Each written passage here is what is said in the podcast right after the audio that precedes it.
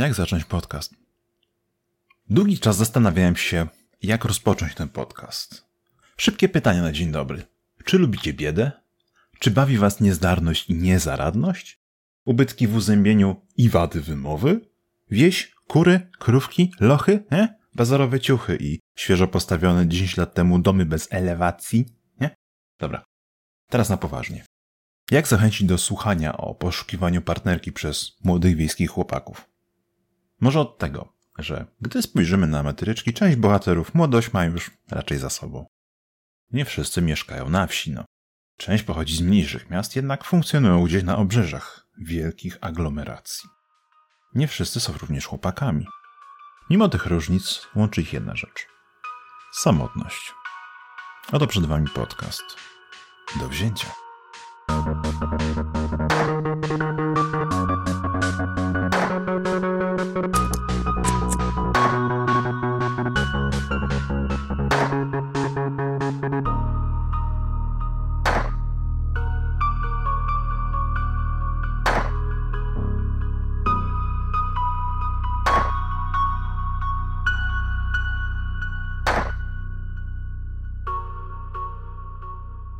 Chłopaków do wzięcia polski widz pierwszy raz poznał w niedzielę 7 października 2012 roku, dwa i pół miesiąca przed zapowiadanym końcem świata. Wtedy to Polsat, lekceważąc sobie ostrzeżenia proroków z filmów z żółtymi napisami, ruszył z kolejnym programem, który skategoryzować można jako docu-soap lub telenowelę dokumentalną. Najprościej mówiąc, gatunek ten to połączenie dokumentalnej treści i serialowej struktury. Warto dodać też, że nie są to pojęcia zamienne, jednak posiadają sporo wspólnych mianowników. To sąsiadujące ze sobą krzewy w bujnym ogrodzie dokumentu. A Polsat zadbał o nie byle jakich ogrodników Irenę i Jerzego Morawskich. Pani Irena od 1990 roku regularnie pisała reportaże społeczne dla Gazety Wyborczej, natomiast 10 lat później wspólnie z mężem zabrali się za produkcję filmów dokumentalnych. W momencie realizacji chłopaków do wzięcia mieli już za sobą dwa dosyć głośne dokumenty. Opowiadającą o łowieniu młodych dziewczyn przez agencję modelek balladę o lekkim zabarwieniu erotycznym oraz Czekając na sobotę. Obraz młodzieży na tzw. Tak prowincji, egzystującej na kulturowym pustkowiu pozbawionej jakichś solidniejszych perspektyw życiowych. Lata pracy Ireny Morawskiej w dziale reportażu wyborczej pod kierownictwem Małgorzaty Scheiner umocniły jej, można by rzec, powołanie kronikarki pokłosia zmian ustrojowych. Dawała głos ludziom ze wsi i mniejszych miast, raczej biedniejszym, tym widzianych przez innych oraz przez siebie samych jako przegranych, niezaradnych, opuszczonych, słowem tym, którym transformacja podcięła skrzydła, poobijała kości lub skręciła kark. Zarówno Jelenie Morawskiej, produkcji programu, jak i całemu gatunkowi telenoweli dokumentalnej planuję poświęcić oddzielne odcinki, dlatego stawiam tutaj przycinek. To zostawia nas z chłopakami do wzięcia. Jeśli, drogi słuchaczu, jesteś wieloletnim fanem tego serialu albo okazyjnym widzem, to z pewnością wiesz, czego się spodziewać. Może oglądasz telewizję i czasami trafiasz na podobne programy, albo dostajesz rykoszetem przez e, tak zwane śmieszne filmiki z YouTube'a. Możliwe, że spotkałeś się już z bohaterem programu w taki czy inny sposób, nie zdając sobie z tego sprawy w jakimś memie lub u popularnego vlogera. Możliwe, że wyrzuciłaś telewizor przez okno lata temu. Mieszkasz w Bieszczadach. Okej. Okay. Proszę osoby weterańskie o wygodne zajęcie miejsca w fotelach i chwilkę cierpliwości, a ja postaram się przybliżyć format serialu całej reszcie. Chłopaki do wzięcia witają nas żywą muzyką disco polo. Czołówka programu tłumaczy wszystko. Wszystko, co potrzebujemy wiedzieć, a narracji towarzyszą sceny z życia na wsi i fragmenciki wypowiedzi bohaterów. Nie lubią słowa singiel. Uważają je za zbyt wyszukane, jak na ich miarę. Wolą swojskie kawaler – kawalerowie do wzięcia. Sporo zrzucanych po wsiach i małych miasteczkach tysięcy samotnych, to oni, chcąc wyrwać się z kleszczy dokuczliwej samotności, opowiadają o swych pragnieniach, w których królują one. W każdym odcinku poznajemy nowego bohatera, chłopaka do wzięcia lub kontynuujemy jego historię. Dla celów, podejrzewam, narracyjnych, Historie te przeplatają się, e, często sceny lub wydarzenia są przerywane wątkami innych postaci. Czasami w rogu kadru pojawi się imię lub ksywka bohatera. Cały czas towarzyszy nam narrator, który zawsze przypomni imię postaci lub przybliży aktualny problem. Tak jak ja to widzę, serial korzysta z trzech metod narracyjnych w takim dużym uproszczeniu. Mamy sceny, w których chłopaki uczestniczą w interakcjach społecznych. Z rodziną, z kolegami, z obcymi na ulicy, nierzadko potencjalnymi partnerkami. Narrator dodaje wtedy coś od siebie. Czasami żartobliwie, najczęściej wprowadza, czasami wypełni ciszę, e, gdy bohaterowie nie rozmawiają lub podsumuje, co się przed chwilą właśnie wydarzyło. Mamy sceny, w których chłopaki siedzą przed kamerą samotnie. W domu, na ganku, gdzieś na swoim gospodarstwie, w zagajniku przy polu, opowiadają swoją historię. W nomenklaturze angielskiej nazywane jest to confessionals. Na język polski przetłumaczymy to dosłownie jako konfesjonał. No ale przez religijne konotacje, być może dla współczesnego, dorosłego już widza, więcej sensu będzie miało określenie pokój zwierzeń, które pojawiło się zresztą w polskiej edycji Big Brothera.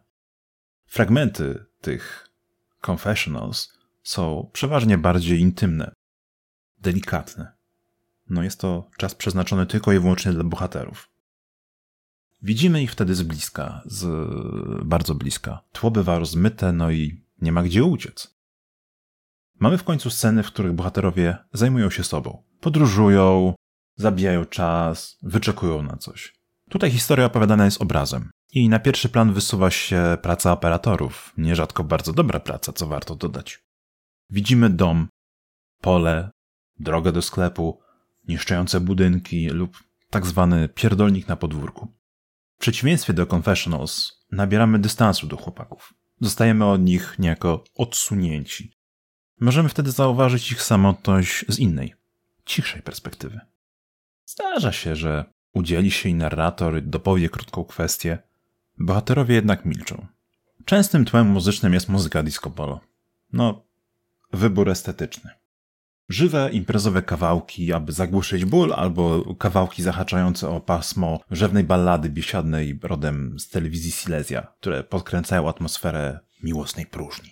Bywa, że, że muzyka jest elementem historii, mm, głosami piątkowej dyskoteki albo, albo muzyką z radia, która umila podróż samochodem. Czas trwania serialu nie dłużej niż 22 minuty, przez co serial można pochłaniać w niesamowitym tempie. I tutaj przechodzimy do odkrycia, które mnie w pewnym momencie zamurowało. Na dzień dzisiejszy serial ma 19 serii, a kolejna 20 wystartuje jesienią 2021 roku. Dobrze słyszeli. Serial Chłopaki do wzięcia jest nagrywany i emitowany praktycznie bez większych przestojów od 9 lat. To łącznie ponad 250 odcinków. Bohaterowie przychodzą, odchodzą, a program bije rekordy oglądalności. No przynajmniej polsatowe. Zacytuję wirtualnemedia.pl. Pokazywane w Polsacie Play wszystkie odcinki Chłopaków do wzięcia, zarówno premierowe, jak i powtórkowe, w 2018 roku miały ponad dwukrotnie wyższą oglądalność od średnich wyników stacji. Koniec cytatu. Emisję w Polsacie śledziło trochę ponad milion widzów. Według dyrektora Polsat Play, Radosława Sławińskiego, był to, cytat, najchętniej oglądany program w historii kanałów tematycznych w Polsce. Do 2018 roku największą widownię na kanale Polsat Play przyciągnął jeden z odcinków z 2014 roku, którego średnia wielkość widowni wynosiła 540 tysięcy widzów. Z kolei u większego brata na kanale Polsat średnia wielkość widowni dla najpopularniejszego odcinka Chłopaków z 2013 roku wyniosła 2 miliony 440 tysięcy widzów. Dla porównania, w pierwszym półroczu 2018 roku wydarzenia na Polsacie oglądało średnio 1 900 tysięcy osób. Co prawda, reszta statystyk, szczególnie zawężonych do kanału Polsat Play, wygląda, ja wiem, przeciętnie? Jednak trudno wobec tego przejść obojętnie, przynajmniej mi. Podejrzewam, że wyniki podkręcił zasięg Polsatu, tego dużego Polsatu. W polskich odbiornikach telewizyjnych e, liczne powtórki, no ale to jest tylko część tego wyniku. Nie chcę odbierać, nie chcę umniejszać wartości pracy autorów, realizatorów i bohaterów chłopaków, ponieważ należy im się to, ten szacunek do roboty, jak przysłowiowa psubuda albo micha. Nawet ja, jako osoba unikająca telewizji, jak e, diabeł święcony wody, w końcu opuściłem ciemność wieczystą. Na moją skroń padły ciepłe promienie żółtego słoneczka. I gdzieś w okolicach 2018 roku poznałem chłopaków do wsięcia. Z serialem zapoznał mnie mój dobry przyjaciel. Cały czas wymienialiśmy się opiniami. Opinie przeważnie sprowadzały się do śmiechu z bohaterów. Nie ma tu czego kryć. Do niepohamowanej beki, e, z wypowiedzi, z humoru sytuacyjnego, z wszechobecnej niezręczności, z ciętych, ale nie tracących, zdawałoby się, fasadowej sympatii komentarzy narratora. Także pierwszą reakcją był śmiech, który jest przyjemny, prosty, bezpieczny? Znak zapytania? Śmiech rozbraja, śmiech zagłusza, mimo że potrafi być przykry lub najzwyczajniej okrutny. Po śmiechu przyszło współczucie i smutek. No przecież sytuacja bohaterów jest nie do pozazdroszczenia, jest trudna, a czasami wręcz tragiczna. Pomijam już okoliczności, e, dorastanie, środowisko bohaterów. Każdy z nas w podobnym lub różnym stopniu i intensywności wie, co to samotność. A po jakimś czasie pojawiło się w mnie trzecie uczucie. Zaczęło kiełkować i którego nie byłem w stanie dookreślić. Ale na nim skupię się później.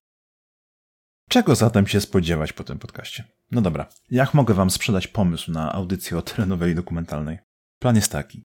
Po pierwsze, siłą napędową tego serialu są jego bohaterowie i historie, które opowiadają. Mam wrażenie, że w pospolitym obiegu serial ten funkcjonował jako protoplasta popularnych patostreamów, które pięć lat później zdobędą sporą niszę w polskim internecie. Oczywiście nie mam za dużo miejsca na manewrowanie, jeśli mówimy o weryfikowaniu rzetelności opowieści bohaterów. Dlatego będę przyjmował je takimi, jakie są. Bez szyderstwa, po prostu. Na przekór mojemu pierwszemu oglądaniu dla Beki, ok? Bardzo bym nie chciał wdzierać się tam, gdzie w chłopakach nas nie wpuszczono. I jeśli będę to robił, jeśli będę chciał zrobić wyjątek, to na pewno spróbuję wymyślić coś na swoją obronę. Będę chciał zwrócić Waszą uwagę na pewne kwestie. Zatrzymać. W niektórych momentach. Oddać głos bohaterom, pogłębić narrację, szczególnie gdy odsłaniają swoje miękkie, emocjonalne podbrzusze. Chcę przejrzeć się w nich czasami. Być może są tam rzeczy, które gdzieś zgubiliśmy, które przegapiliśmy w trakcie pierwszego oglądania, a być może ich tam w ogóle nie było. Potraktujcie to proszę jako dłuższe ćwiczenie z empatii. Podejrzewam, że właśnie to zajmie nam najwięcej czasu. Po drugie, wszystko co nie jest bohaterami, ale ma bezpośredni związek z serialem. Produkcja, wspomniani wcześniej autorzy projektu, Irena i Jerzy Morawscy, odbiór dokumentu w prasie, opinie, krytyki, pochwały, analizy, e, reakcje w mediach społecznościowych, fora, fanbazy mniej lub bardziej ironiczne.